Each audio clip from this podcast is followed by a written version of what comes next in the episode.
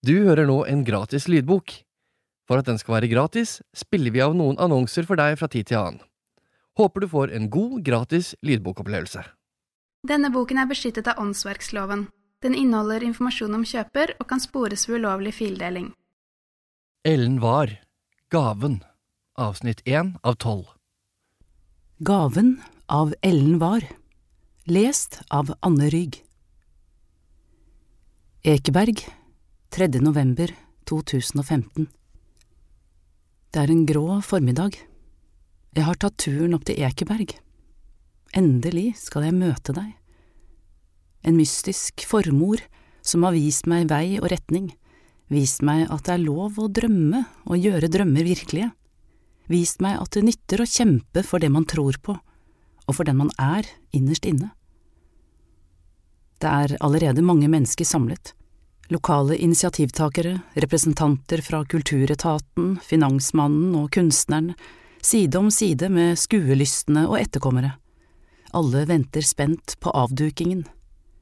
I år er det 200 år siden du ble født, og nå blir du hedret med en statue. Hadde du følt deg beæret? Så er du der plutselig. Så fin du ser ut. En langermet kjole med knapper i brystet. Du holder kjoleforkleet opp med den ene hånden, er det einebær du har i det? I armen har du en kurv full av blomster og planter, på hodet et skaut knyttet pent under haken, jeg kan skimte håret ditt under det. Øynene dine er sterke, kinnbena høye, munnen formet i et lite smil.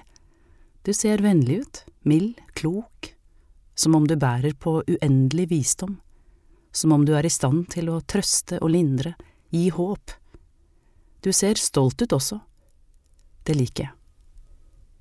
Under kjolen skimter jeg skoene dine. De ser velbrukte ut.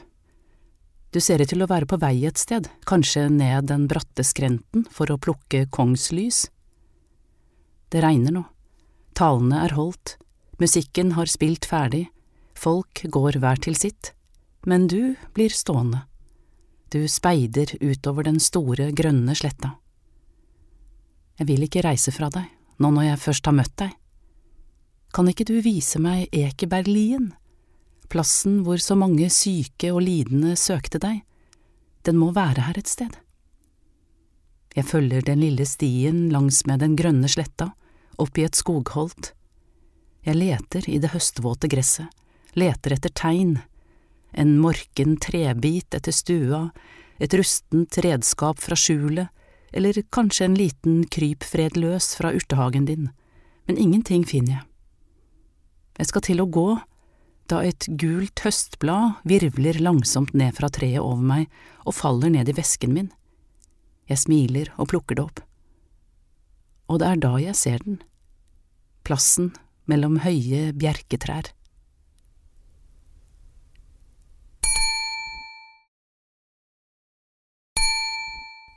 Del 1 Kamillen Kapittel 1 Vardal, julen 1830 Store, hvite filler over Vardal. Veien fra husmannsplassen på Sevald til hovedgården på Mustad var lang denne romjulsdagen, ikke bare fordi snøen var så dyp, men fordi hun var så spent på hva som ventet henne. Alle snakket om Mustads storslagne gjestebud, og nå hadde fru Mustad bedt henne om å hjelpe til under selveste juleselskapet. Enda så spent Anne var da hun la seg kvelden før, ville hun bare sove videre, drømme videre, da hun våknet. Hun hadde knepet øynene sammen og forsøkt å lokke drømmen tilbake. Men jo mer hun forsøkte, desto mer av den forsvant. Til slutt var det bare en flik igjen, en hånd som rørte ved hennes. Og så den rare følelsen av at noe inni henne var blitt annerledes. Selve kroppen kjentes forandret som om den var fylt opp av noe mykt og dunkende helt ut til fingertuppene. Til slutt hadde hun gitt opp å huske mer, og stått opp. Hun smøg seg ut fra den gode varmen under teppet og inn i den kalde stua, det var bare noen få ulmende glør igjen i grua. Hun trakk sjalet over skuldrene og la forsiktig på et par vedkubber før hun satte seg på krakken og kikket inn i de røde flammene som snart lyste opp både henne og stua. Det knitret og spraket. Moren hadde hakket einer og strødd utover gulvet til jul. Hun trakk inn duften. Så fredelig alt var så tidlig. Ikke en eneste lyd hørte hun utenfra. Ulingen fra nattevinden var for lengst stilnet, men inne var det nok av lyder farens snorking, lille Kirstines surklende bryst, hosting fra en av småbrødrene og Karen som av og til mumlet irritert i søvne. Bare moren var helt stille. Hun var nok utslått etter enda en våken natt med minstejenta. Hun burde ha vekket Karen, som måtte tidlig av sted, men hun gruet seg for å møte det gretne ansiktet hennes.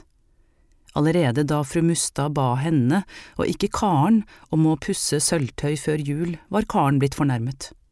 Og da søsteren hørte at Anne skulle få være på Storegården under juleselskapet, mens hun selv bare skulle skure gulv før gjestene kom, var hun blitt ildrød i ansiktet. Jeg er 17, og du er bare 15 og ikke konfirmert engang, hadde søsteren hvest.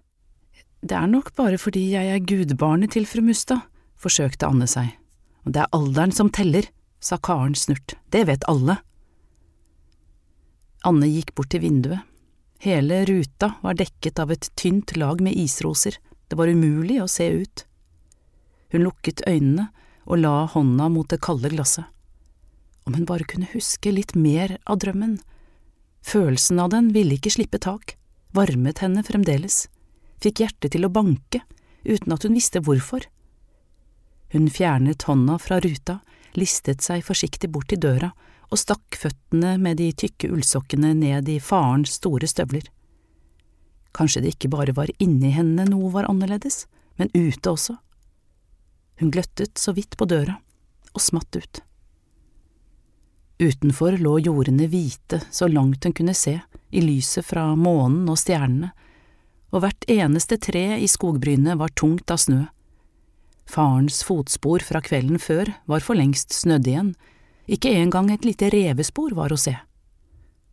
Hun vendte hodet, og i det samme lettet en dompap fra en gren borte ved skjulet. Det røde brystet var så vakkert mot den hvite snøen som drysset mykt lenge etter at fuglen var ute av syne. Så kom hun til å tenke på det hvite lerretet hun hadde sett en av gjestene på Storgården sette opp ute på tunet i sommer. Lerretet som langsomt ble fylt med de vakreste farger og former.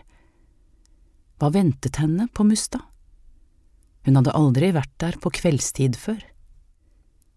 Da hun endelig trasket av gårde mot hovedgården, gjennom snødrevet, hadde det begynt å skumre.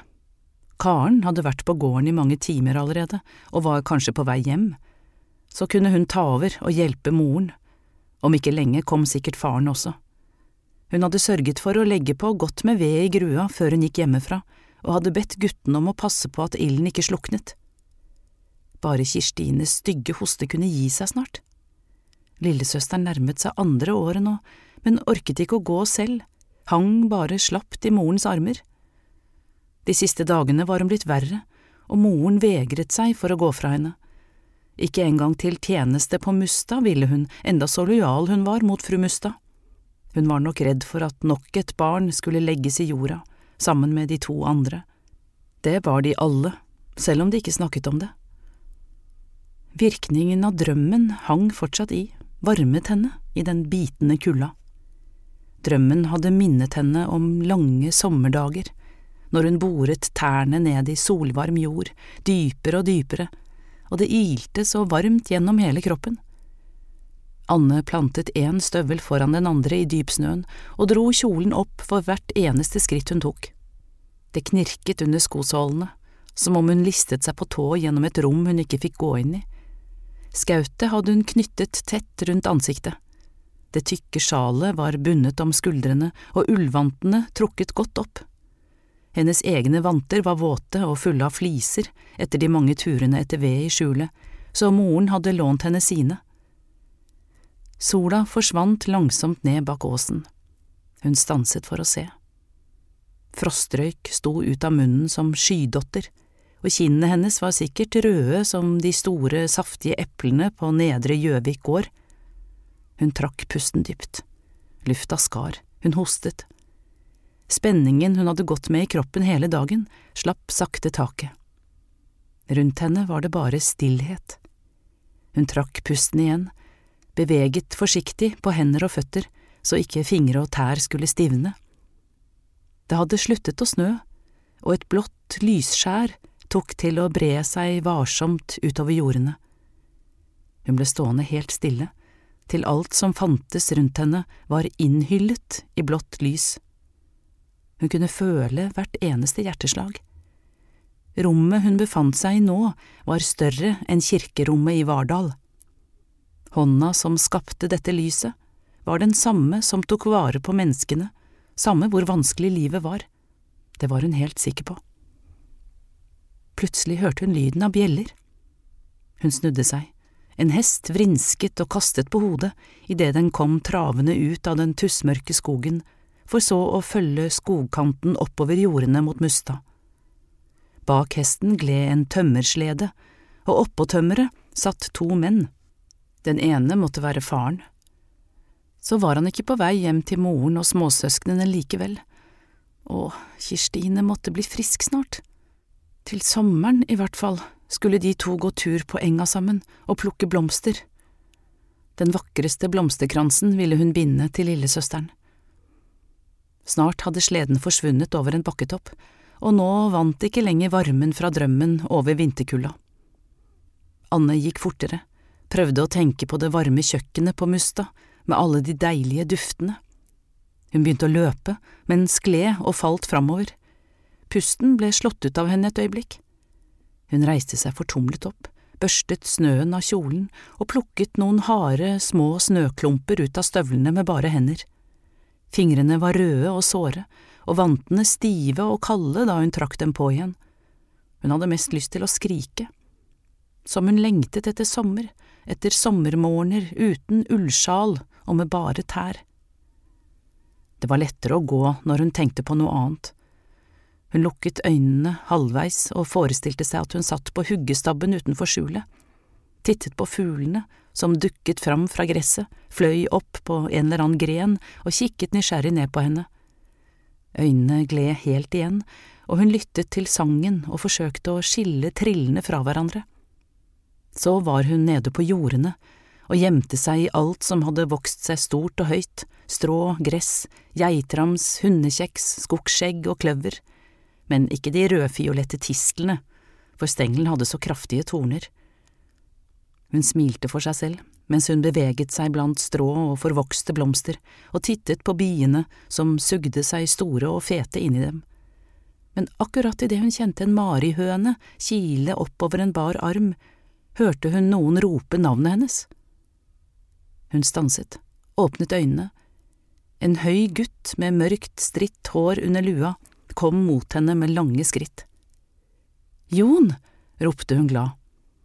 Så våt og kald du ser ut, går det bra med deg?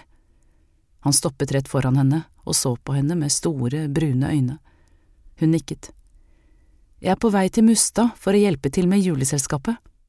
Jeg vet det, sa han alvorlig. Jeg møtte søsteren din der hun kom fra bryggerhuset med en vaskebøtte, hun var ikke særlig blid. Anne kikket urolig på ham. Ofte ertet han henne når de møttes. Han kunne finne på å dytte lett til henne, så hun kunne få en anledning til å dytte ham tilbake, eller han lo mens han grep tak i henne. Noen ganger løftet han henne opp og bar henne bort etter veien i armene sine, tett inntil brystet, som om han bar en favn med ved i hvert fall når ingen var å se i nærheten, men ingen av de tingene gjorde han nå. De var født i hver sin stue på husmannsplassen Seter for 15 år siden, Jon bare noen dager før henne. Fra de ble store nok, hadde han ventet på henne hver eneste dag ved eika som lå midt mellom stuene deres, og der lekte de, betrodde seg til hverandre, eller bare satt stille sammen. Noen ganger klatret de opp i eika og satt med ryggen lent mot hver sin tykke gren, mens de så opp mot den blå himmelen gjennom trekronen, eller de krøp inn i hulrommet som åpnet seg i midten av stammen på det mosegrodde treet, han først og hun etter. og der, på den rødbrune bakken, inne i treet, satt de og fortalte hverandre om drømmene sine. Men hun hadde nok alltid forstått at drømmene hennes ikke var slik som hans. Drømmene hennes var som noe som rørte seg inni henne, mer enn noe hun ønsket seg. Dermed klarte hun ikke riktig å sette ord på dem. Hun gløttet bort på Jon. Så høy han var blitt.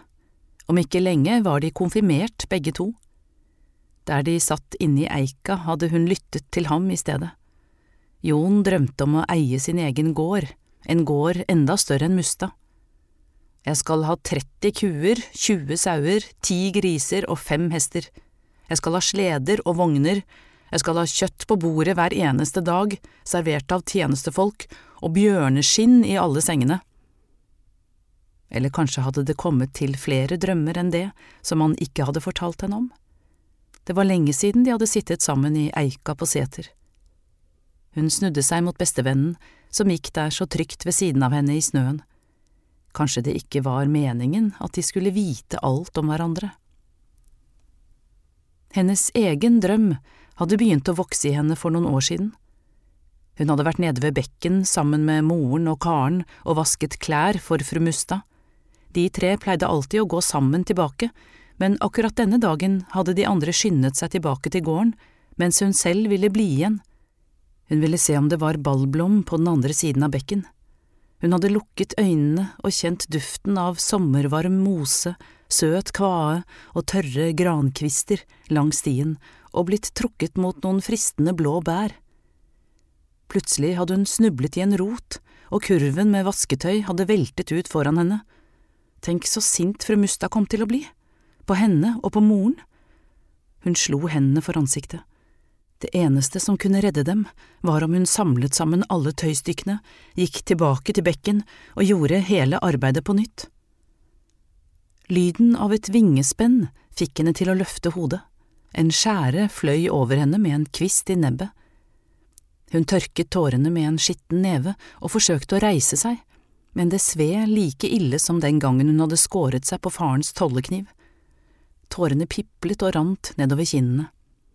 Forsiktig heiste hun seg opp på den ene albuen og dro kjolen opp med sammenbitte tenner.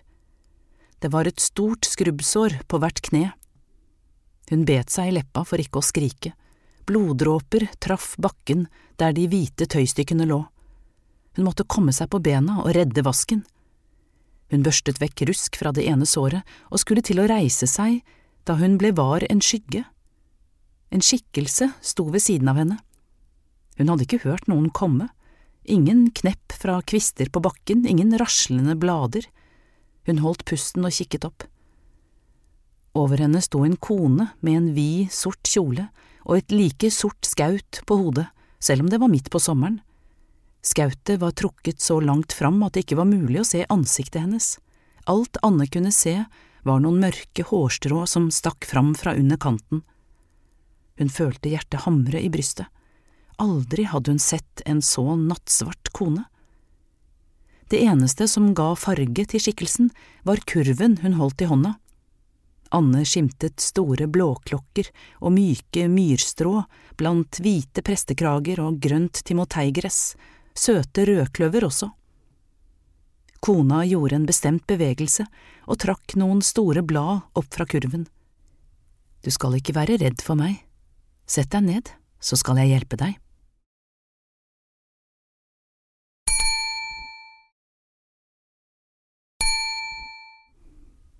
Anne tørket svetten fra håndflatene på kjoleforkleet og bet tennene sammen for ikke å skrike da hun reiste seg opp og hinket bort til stubben. Først nå så hun konas øyne. De var store og mørke, som et hav hun bare hadde hørt om, de så like gjennom henne men det var ikke bare det, de holdt henne fast, med en dirrende kraft. Og plutselig var det som om hun forsvant inn i dem, som om hun var en del av den samme kraften.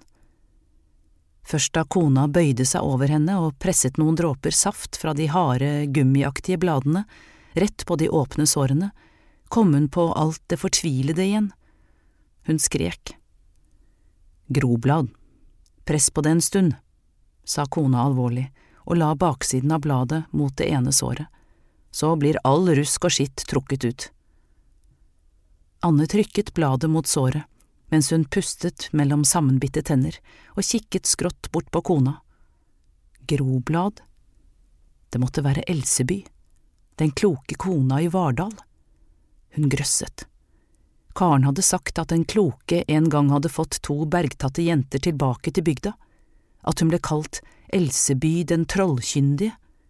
Trollkyndig fordi hun kjente til magi, og fordi hun kunne mane djevelen. Kona fjernet Annes hånd og studerte såret. Sånn ja, sa hun fornøyd, og la det nye bladet på det rensede såret, denne gangen med oversiden ned, og surret det fast med strå. Så begynte hun på samme måte på det andre kneet. Anne knep leppene sammen, fulgte med på hver eneste bevegelse, helt til bladet var festet og stråene bundet godt fast rundt kneet. Jeg ser du har vært nede ved bekken. Varme, gode hender klappet henne på kinnet. Hvor gammel er du? Øynene dirret ikke lenger, de var rolige og kloke, som på et gammelt menneske, selv om hun ikke virket gammel ellers. Huden hennes var glatt og frisk, panna uten rynker. Ti, sa Anne og så ned, mens hun forsøkte å skjule leppene som skalv og øynene som sved. Om hun bare hadde klart å fortelle alt. Hun løftet hodet, og gjennom tårene så hun plutselig at kona hadde begynt å plukke opp ett og ett tøystykke og legge dem tilbake i kurven. Vent her, beordret hun Anne og løftet kurven opp på hofta. Solstråler tittet fram gjennom de grønne bladene og laget spill i det sorte, vide kjolestoffet som bølget nedover mot bekken. Storesøsteren måtte ta feil. Om dette virkelig var Elseby, så var Anne i hvert fall sikker på to ting. Kona manet ikke fram mørke krefter, og hun sto ikke i ledtog med djevelen. Det kunne ikke være annet enn gode krefter som hadde hjulpet henne, og de kreftene ville hun også kjenne. Slik var drømmen hennes blitt sådd, og så hadde den vokst litt etter litt, men fortsatt var den så skjør at hun måtte beskytte den, også for Jon. De hadde gått lenge ved siden av hverandre uten å si et eneste ord. Til neste år, sa hun for å bryte tausheten, kommer vi til å ses hver eneste uke. Vi kan møtes på Musta og gå sammen til prestegården. Han møtte blikket hennes, og de vanligvis så levende øynene var tomme og triste. Han forsøkte å skjule det ved å smile, men det var umulig, hun kunne lese ham helt inn til margen. Hva er det? Ingenting. Jo, du skjuler noe for meg. Nei, det ville jeg aldri gjort. Hva er det, Jon? Anne stoppet opp, ville ikke gå et skritt videre før han hadde sagt det. Far har fått et sår i foten som bare blir verre og verre. Han så ned i bakken. Hun grep hånda hans, klemte den, hørte hvordan stemmen hans skalv. Har Hans blitt skadet? Ja, og de siste dagene har han ikke fått på seg støvelen engang, så hoven er den blitt. Mor er redd det skal gå koldbrann i såret. Koldbrann? Det snørte seg sammen i brystet. Hun hadde hørt om koldbrann før, om en skogsarbeider som hadde hatt det, han måtte kutte av seg den ene armen. Ja, og kan ikke far arbeide i skogen mer, får vi ikke fortsette å bo på seter. Stemmen brast et øyeblikk. Hvis ikke jeg tar over hans plass. Men du kan jo ikke jobbe mer i skogen enn du allerede gjør, Jon, du skal jo konfirmeres. Jeg har ikke tid til å gå for presten, det forstår du vel. Han så ned. Jeg må være med de andre karene i skogen for far, allerede fra i morgen. Men Jon… Hun trakk ham i jakkeermet. Alle som skulle eie jord, måtte konfirmeres. Alle som skulle gifte seg, måtte konfirmeres, det hadde hun i hvert fall hørt. Men hva med oss, Jon? Han løftet hodet og fant blikket hennes. Jeg må hjem og hjelpe til nå, mor venter på meg. Men Jon, sa hun igjen, stemmen var høyere nå, dette er ikke riktig. Jeg skal snakke med fru Mustad. Hun trampet bestemt med foten i bakken. Fru Mustad vet råd for å hjelpe faren din. Hvis moren din tror det kan være koldbrann, må han ha hjelp med en gang. Jon ristet på hodet. Det er Mustad selv som har sagt at hvis vi vil bli boende på seter, må vi jobbe for ham. Så stakk han hendene dypt ned i lommen igjen og begynte å gå bortover veien med lange skritt. Og med den foten kan ikke far jobbe i skogen på lange tider. Hun løp etter ham. Men fru Mustad hjelper meg med å lese til konfirmasjonen allerede, og snakker alltid om hvor viktig det er å bli konfirmert, hun vil forstå, Jon. Men hvem skulle hjelpe oss? ropte han oppgitt. Fru Mustad kan vel ikke lege foten til far? Han var rask, og hun fulgte etter så godt hun kunne, satte en fot godt ned i snøen foran den andre så hun ikke skulle skli, og forsøkte å gripe fatt i den sorte vadmelsjakka foran seg. Plutselig stanset hun. Det var nok en mening med at hun akkurat hadde tenkt på Elseby. Hadde den kloke kona leget sårene hennes, da kunne hun vel lege foten til Hans også? Hun løp etter, snart var hun oppe ved siden av ham. Jeg vet om en som kan hjelpe, ropte hun. Hvem da? Elseby. Trollkona? Jon så spørrende bort på henne, rynket panna så øynene ble mørke og smale. Du vil vel ikke mane djevelen på faren min? Han fortsatte, uvanlig rett i ryggen, bortover veien mot seter. Anne ble stående og se etter ham, helt til han hadde forsvunnet over bakketoppen. Så gikk hun inn den store porten og skyndte seg over tunet mot hovedhuset. Kapittel to Nå, der er du. Fru Mustad sto på kjøkkenet og ga beskjeder til tjenestepiken og kokka da hun kom inn. Anne neide og stilte seg opp ved siden av de andre. Alt det som hun hadde forberedt seg på å si, var plutselig borte. Aldri hadde hun sett fru Mustad så vakker, den mørkeblå kjolen skimret. Rundt halsen hadde hun en hvit blondekrage, og en rund nål i skinnende sølv var festet ved brystet. Det tykke, grå håret var bundet opp i en flettet krans rundt hodet. Kinnene var røde, som om hun nettopp hadde vært ute i vinterkulda, og øynene skinte som to store stjerner. Det var nesten umulig å få med seg alle beskjedene som ble gitt. Men det var ikke bare det, de sterke luktene fra mat og krydderier gjorde Anne rent svimmel. Alt hun hadde spist før hun gikk hjemmefra, var en bit av det beske barkebrødet og litt grøt. Spiskammeret sto åpent, det var der duften kom fra, hun lente seg fram. Bak fru Mustads hode skimtet hun skinker med nellikspiker i, lange, fete julepølser og svineribbe med svor. På hylla under sto store, runde oster, boller med rømme og flere tiner med smør, vin, øl, julepunsj, og en hel del hun ikke så, og en hel del hun ikke visste hva var engang. Hun skulle ønske hun kunne ta med en julepølse hjem til guttene, en bit av osten til moren og kanskje litt av det nybryggede juleølet til faren.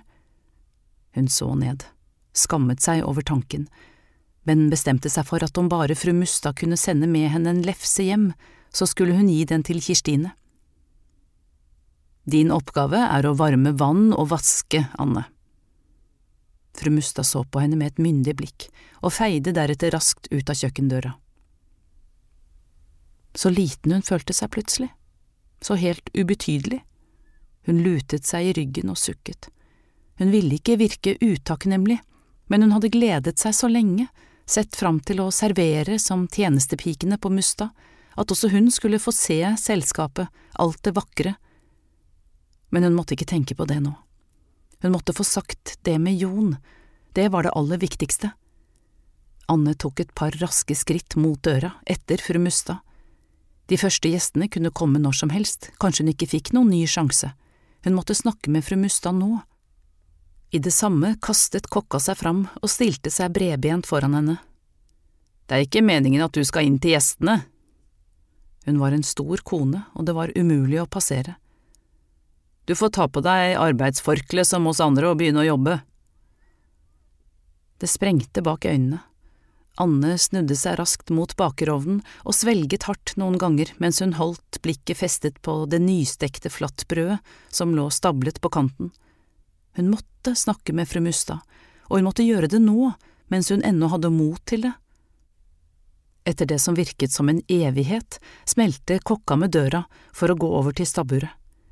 Anne smøg seg raskt forbi alle tjenestepikene som sto bøyd over hver sine oppgaver, listet seg ut av kjøkkenet og bortover den lange gangen. De andre pikene ville ikke bry seg, men hva skulle hun si når kokka spurte om hvor hun hadde vært?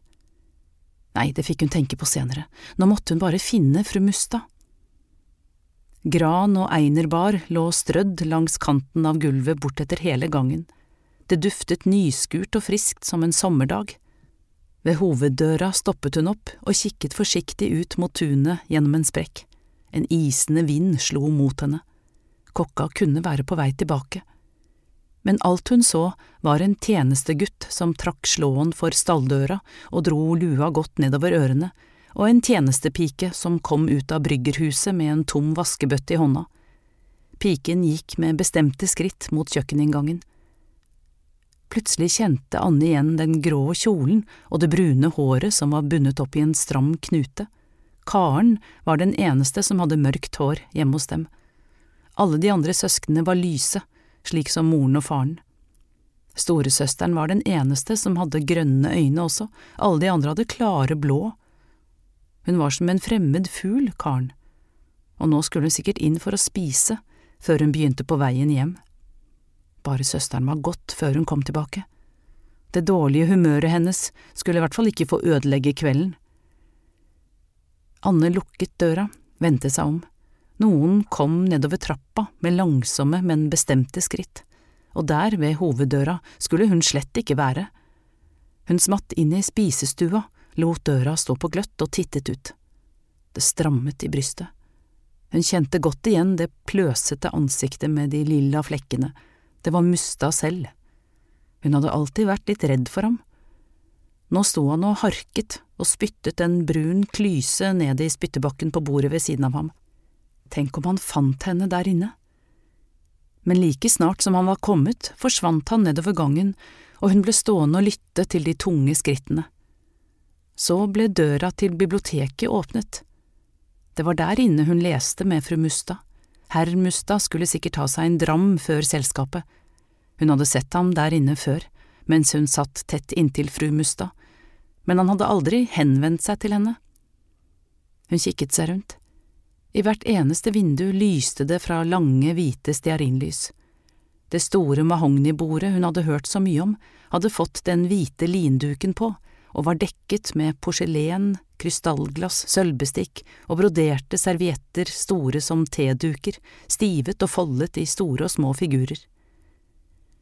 Porselen fra Ost-India, krystallglass fra glassverket på Gjøvik og sølvbestikk med monogram på forsiden og gravering på baksiden med bokstaver og årstall. Moren hadde forklart alt dette for henne og Karen, for moren hadde vært tjenestepike og bodd lenge på Mustad før hun ble gift, og kjente alle mennesker og alle ting på gården. Men alt her inne var enda vakrere enn moren hadde beskrevet det. Hva hadde moren gått og drømt om her inne, mens hun stelte i stand til gjestebud? Det var på en av de store midtsommerfestene på Mustad moren møtte Anders Didriksen.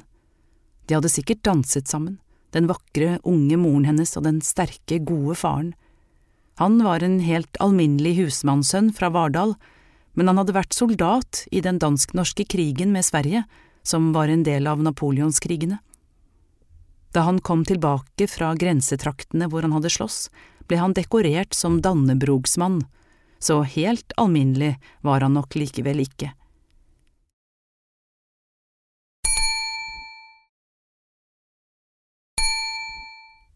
Anne åpnet øynene og våget seg helt bort til bordet. Nå så hun de store sølvkandelabrene. Snart kom de til å lyse opp det festkledde bordet. Hva hadde faren lovet moren den midtsommernatten ved bålet? Anne lot en hånd gli over linduken. Faren var blitt innkalt som soldat på nytt i krigen mot Sverige sommeren 1814 mens moren satt hjemme hos familien sin på land med Karen og ventet henne. Faren kom uskadd tilbake, og den lille familien flyttet tilbake til Mustad, nå som husmannsfolk på seter, like før hun kom til verden en vårdag i 1815, året etter at krigen var slutt. Og Kari og Håvel Mustad bar henne til dåpen i Vardal kirke som hennes gudforeldre, sammen med husmannsfolket Hans og Ingunn på Seter.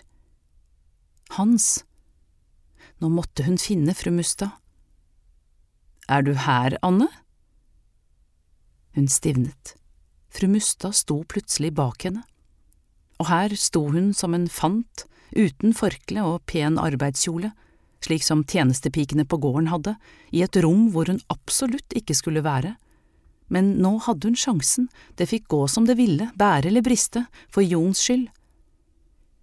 De må hjelpe meg med noe, fru Mustad, sa hun andpustent, som om hun hadde løpt opp en bratt bakke.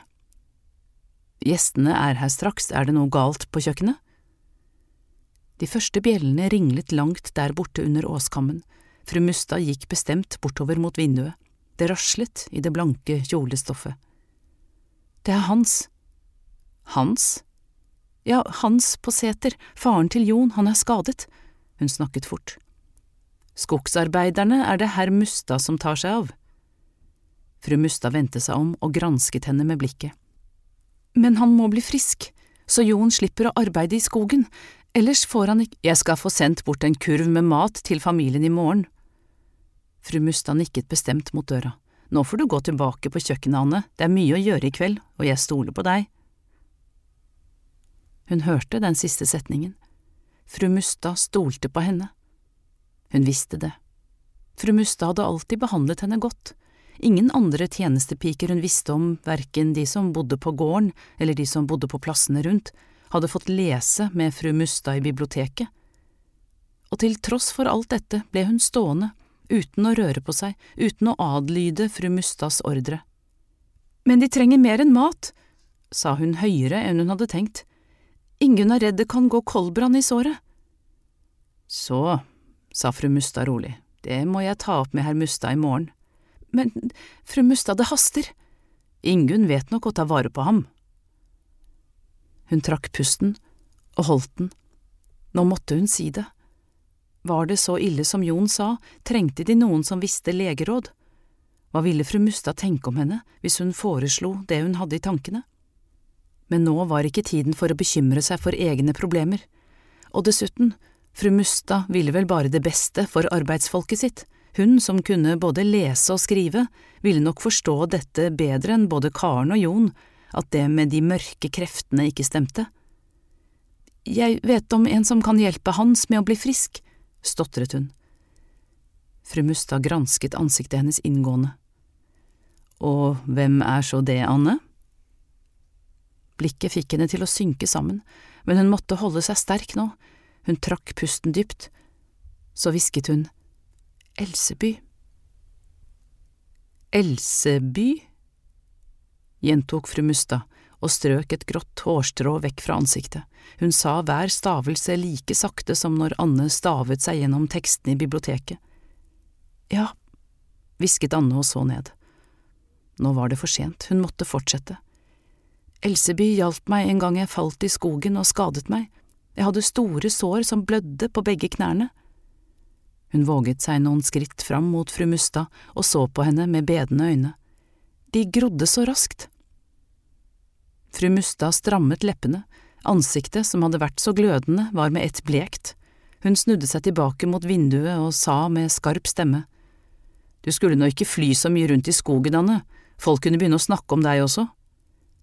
Men det sved bak øynene, dette var ikke rettferdig hun som så ofte gikk gjennom skogen for fru Mustad, ned til bekken for å vaske hennes lintøy, hun fløy ikke rundt. Hva mente fruen? Hele dagen hadde hun stått nede ved bekken sammen med moren og søsteren, som så mange ganger før, skurt hadde de til hendene ble såre og røde. Hun var bare god mot meg, stotret hun, men ordene hennes nådde ikke fram. Slik hadde hun aldri opplevd fru Mustad før. Det var som om hele værelset hadde endret seg, at det var blitt kaldt og hardt her inne, og at det var noe mellom dem som aldri hadde vært der før. Men hun kunne ikke gi opp nå. Fru Mustad måtte stole på henne nå også, hun kremtet og sa raskt, Elseby bruker planter og kjenner mange legeråd, hun bruker ikke trolldom for å gjøre folk friske. Hun driver ikke med magi, ingenting av det hun gjør er mystisk, hun bare… Elseby vil jeg ikke se her på gården eller blant mine husmannsfolk, avbrøt fru Mustad henne bestemt og grep fatt i vinduskarmen med begge hender så knokene vitnet. Jeg skal snakke med sognepresten, han kan se til hans.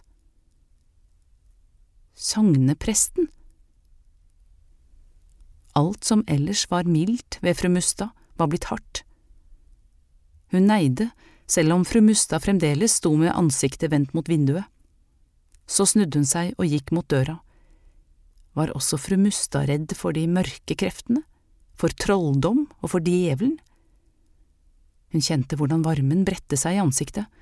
Hun hadde mest lyst til å fortelle fru Mustad hele historien, at Elseby hadde helbredet sårene hennes med groblad, og at det var Elseby som hadde vasket linduken ren, fru Mustads linduk, duken som dekket hele det store festbordet.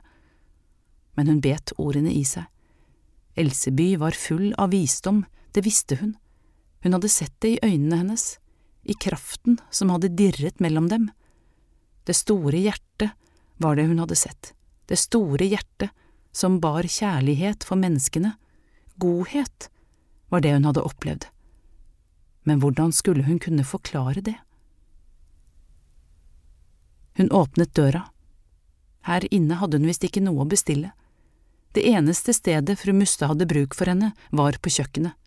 Grovpiker, sa Karen at de to var, de som skuret og vasket. Karen hadde helt rett. Det var derfor hun ikke hadde forkle og pen arbeidskjole som tjenestepikene på gården, at hun kunne tro at hun hadde vært spesiell for fru Mustad hva hadde hun innbilt seg? Hun rødmet skamfullt mens hun samlet sammen kjolen, neide igjen og gikk ut. Anne strøk forbi Karen, som satt ved langbordet på kjøkkenet sammen med et par av tømmerkarene som var kommet inn fra skogen. Hun orket ikke å snakke med henne nå, men så stanset hun brått. Søsteren så blek og trøtt ut. Mørk under øynene var hun også. Brune hårstrå hadde løsnet fra toppen bak på hodet og lå klistret mot halsen. Anne nikket mot henne, men søsteren gadd ikke å sende så mye som et blikk tilbake.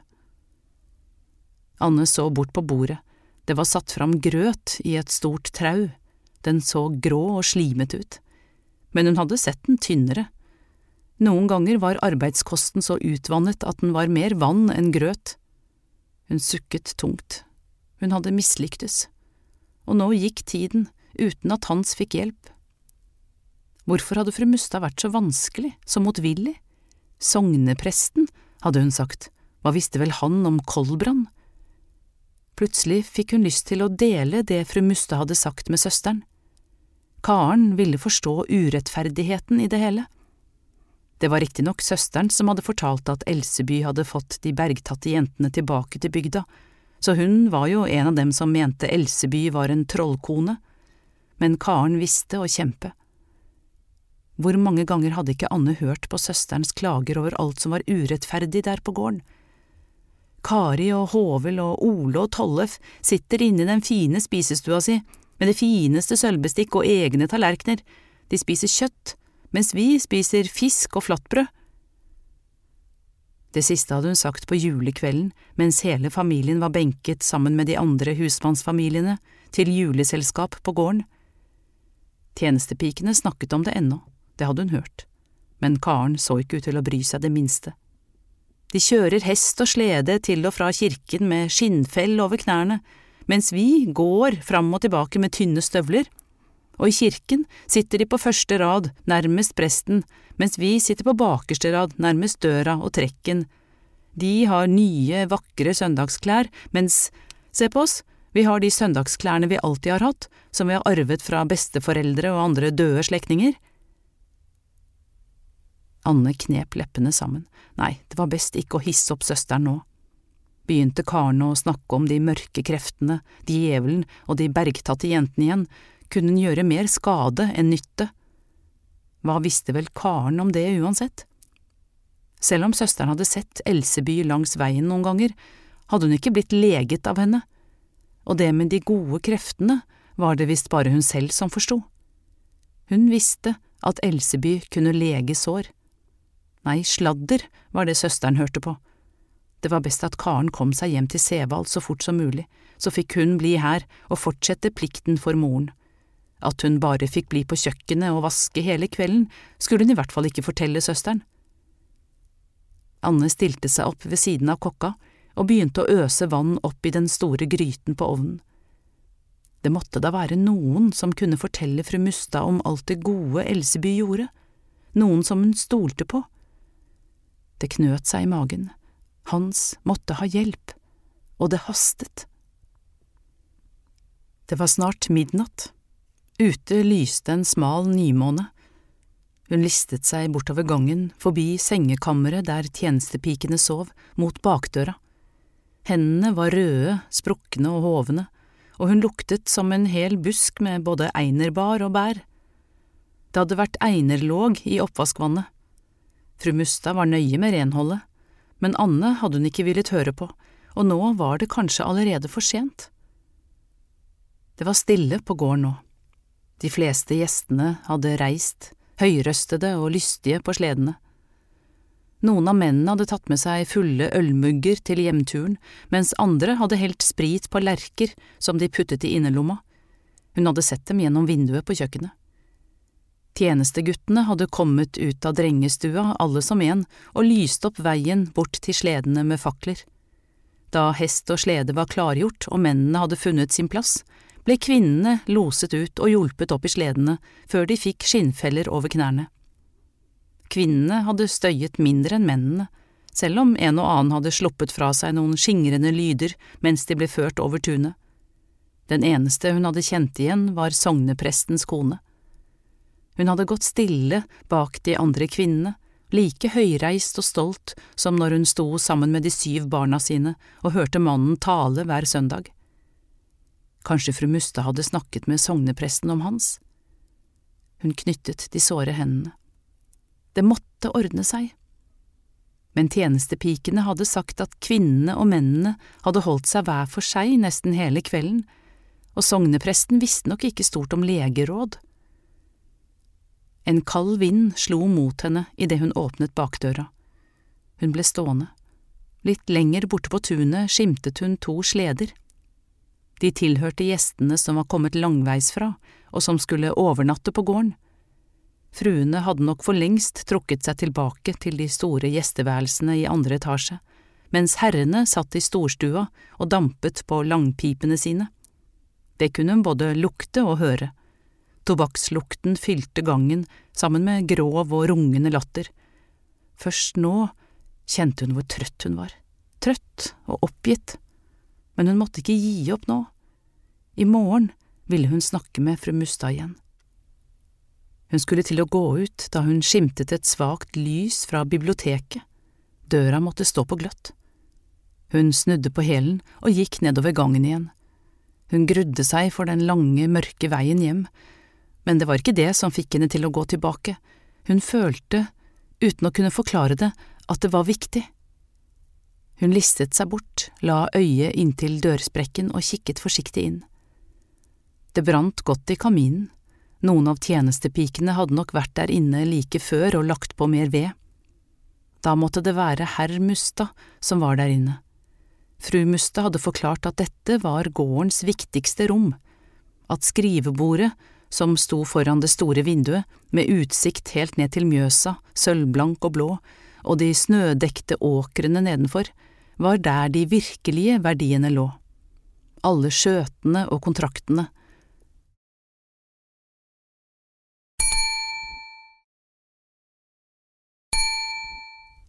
Plutselig slo en tanke ned i henne. Hun kunne få herr Mustad til å hente Elseby hjem til Hans. Skogsarbeiderne var tross alt hans ansvar, det hadde fru Mustad selv sagt. Hun lente seg fram, skalv ved tanken på å gå inn og snakke med herr Mustad alene, våget seg et skritt inn, men det satt ingen ved skrivebordet. Hun sukket og stirret trøstesløst bort mot kaminen. Det spraket fra den tørre bjerkeveden. Lyden gjorde henne rolig, det var helt sikkert faren som hadde fått den til gårds og lagt den opp mot en sydvendt vegg slik at den kunne tørke i vind og sol. Om ikke herr Mustad var der inne, kunne hun jo alltids varme seg litt før hun begynte på den lange veien hjem. Hun lukket døra forsiktig igjen etter seg. Foran kaminen sto to store skinnstoler. Anne så for seg fru Mustad i den ene og hun i den andre, lyttende. Og høyt over kaminen var hyllene med bøker som fru Mustad leste fra. Men da var det lyst her inne. Nå lå åkrene nedenfor mørket og det eneste som lyste opp rommet, var flammene fra kaminen. De kastet et gyllent skjær over biblioteket og fikk lange skygger til å danse opp etter veggene. Hun grøsset og kjente hvordan huden nuppet seg oppover armene. Hun rygget raskt bakover. Noen kremtet borte ved kaminen. Så var herr Mustad her inne likevel. Hun skalv i knærne. Men om ikke fru Mustad forsto henne, ville kanskje han. Herr Mustad ville nok ikke miste han Hans på seter. Han hadde alltid vært en av de største og sterkeste arbeidskarene, det sa til og med faren hennes. Hun visste ikke om hun var mest redd fordi hun skulle snakke med herr Mustad, eller fordi hun trosset fru Mustad. Fru Mustad hadde ikke likt at hun var her nå, det var hun helt sikker på. Hun kunne ennå snu og liste seg ut. Han hadde nok ikke merket henne. Hun kikket seg rundt. Det var som om det var flere i rommet sammen med henne. Ja, det føltes nesten som om alle de seks tidligere generasjonene Musta, som alle hadde levd livene sine på gården, fulgte med på henne for hvert eneste skritt hun tok. De pustet på henne, lo mot henne. Men hun måtte ikke gi seg nå. Hun skulle få herr Mustad til å hente Elseby hjem til seter. Hun måtte det. Hun skulle forklare det med legeråd for ham, at Elseby var mer kyndig enn noen prest. Herr Mustad lot seg vel ikke skremme så lett. Med bestemte skritt gikk hun helt bort til kaminen og trakk pusten dypt før hun snudde seg. I den ene skinnstolen midt imot så hun skyggen av et ansikt, men i neste øyeblikk sto hun som frosset fast, midt ute på vinterisen på Mjøsa, ute av stand til å røre på seg. Det var ikke herr Mustad. Hun gikk et skritt bakover mot kaminen. Det var heller ikke Ole Mustad. Yngstesønnen på gården hadde holdt leven med henne mange ganger. Det hadde alltid vært godlynt erting, og det hadde ikke gjort henne det minste. Hun kjente ham, og det var ikke han som satt foran henne nå. Og ikke var det eldstesønnen Tollef heller. Han ertet forresten aldri. Hvordan kunne hun være så dum? Tjenestepikene hadde jo sagt at herr Muste hadde sovnet for lengst, i finsofaen midt mellom Hans Sikkelstad, bygdas mektigste mann, og Kaspar Kaufelt, eieren av Gjøvik glassverk. Og nå sto hun her, fanget. Bak henne var ild og flammer, og foran henne en vilt fremmed mann. Pass deg nå så du ikke brenner opp, det ville ha vært en skam. Jeg skal bare hente en bok for fru Mustad, men det haster ikke, hvisket hun, forundret over at hun kunne være så snartenkt. Den fremmede reiste seg og gikk et skritt fram mot henne. Han måtte være ganske ung, omtrent på alder med Ole Mustad, nei, kanskje litt eldre. Så fru Mustad får ikke sove, og du skal hente en bok til henne? Han smilte og kom nærmere. I skjæret fra flammene så hun at han hadde grå bukser, hvit skjorte og vest og et purpurrødt silketørkle knyttet slik at det dekket hals og bryst. Han var helt sikkert en av gjestene, en som hadde forvillet seg hit bort hvor ingen skulle komme, her hvor herr Mustad oppbevarte alle kontraktene og skjøtene sine. I stedet for å flykte fikk hun plutselig lyst til å beskytte biblioteket og alt det familien Mustad sto for med hele seg. Nå sto han like foran henne. Hun kjente pusten hans mot håret, han luktet sterkt og samtidig søtt, som en blomst hun fortsatt ikke hadde oppdaget.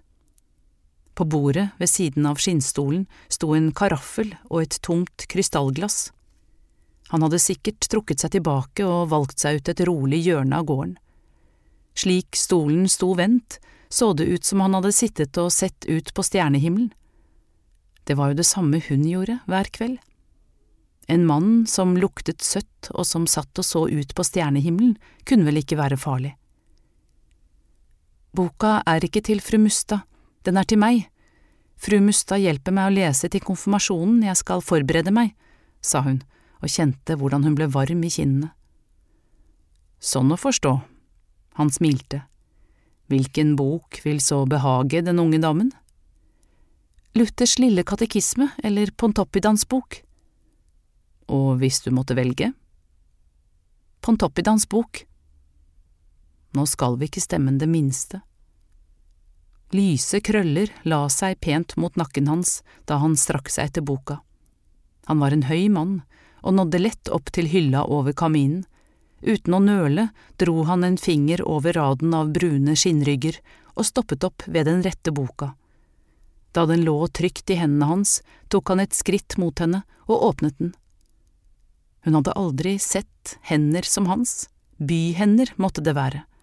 Mannen bodde sikkert i Kristiania. Fingrene var lange og slanke og hvite, og uten en træl. Hun fikk lyst til å ta på dem, kjenne etter om de virkelig var så myke og glatte som de så ut. Ikke engang småbrødrene hennes hadde så vakre hender, de hadde alt båret vann og ved lenge. Alle mennene hun visste om, hadde never som var merket av arbeid. Faren hadde rifter og sår og en brukket lillefinger.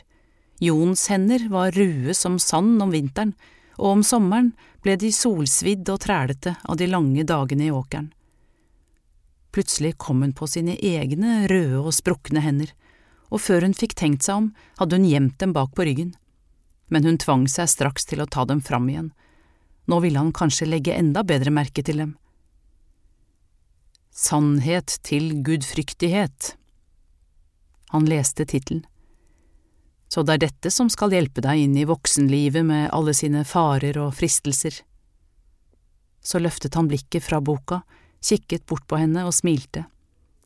Nesa hans var kraftig og rett, leppene fyldige og myke, i haken hadde han en kløft. Hun fikk en følelse av at han ertet henne, men hun skjønte ikke for hva og visste ikke hva hun skulle svare. Hun var så opptatt med å studere den fremmedes ansiktstrekk og lete etter ord, at da han ga henne boka, merket hun knapt at det skjedde.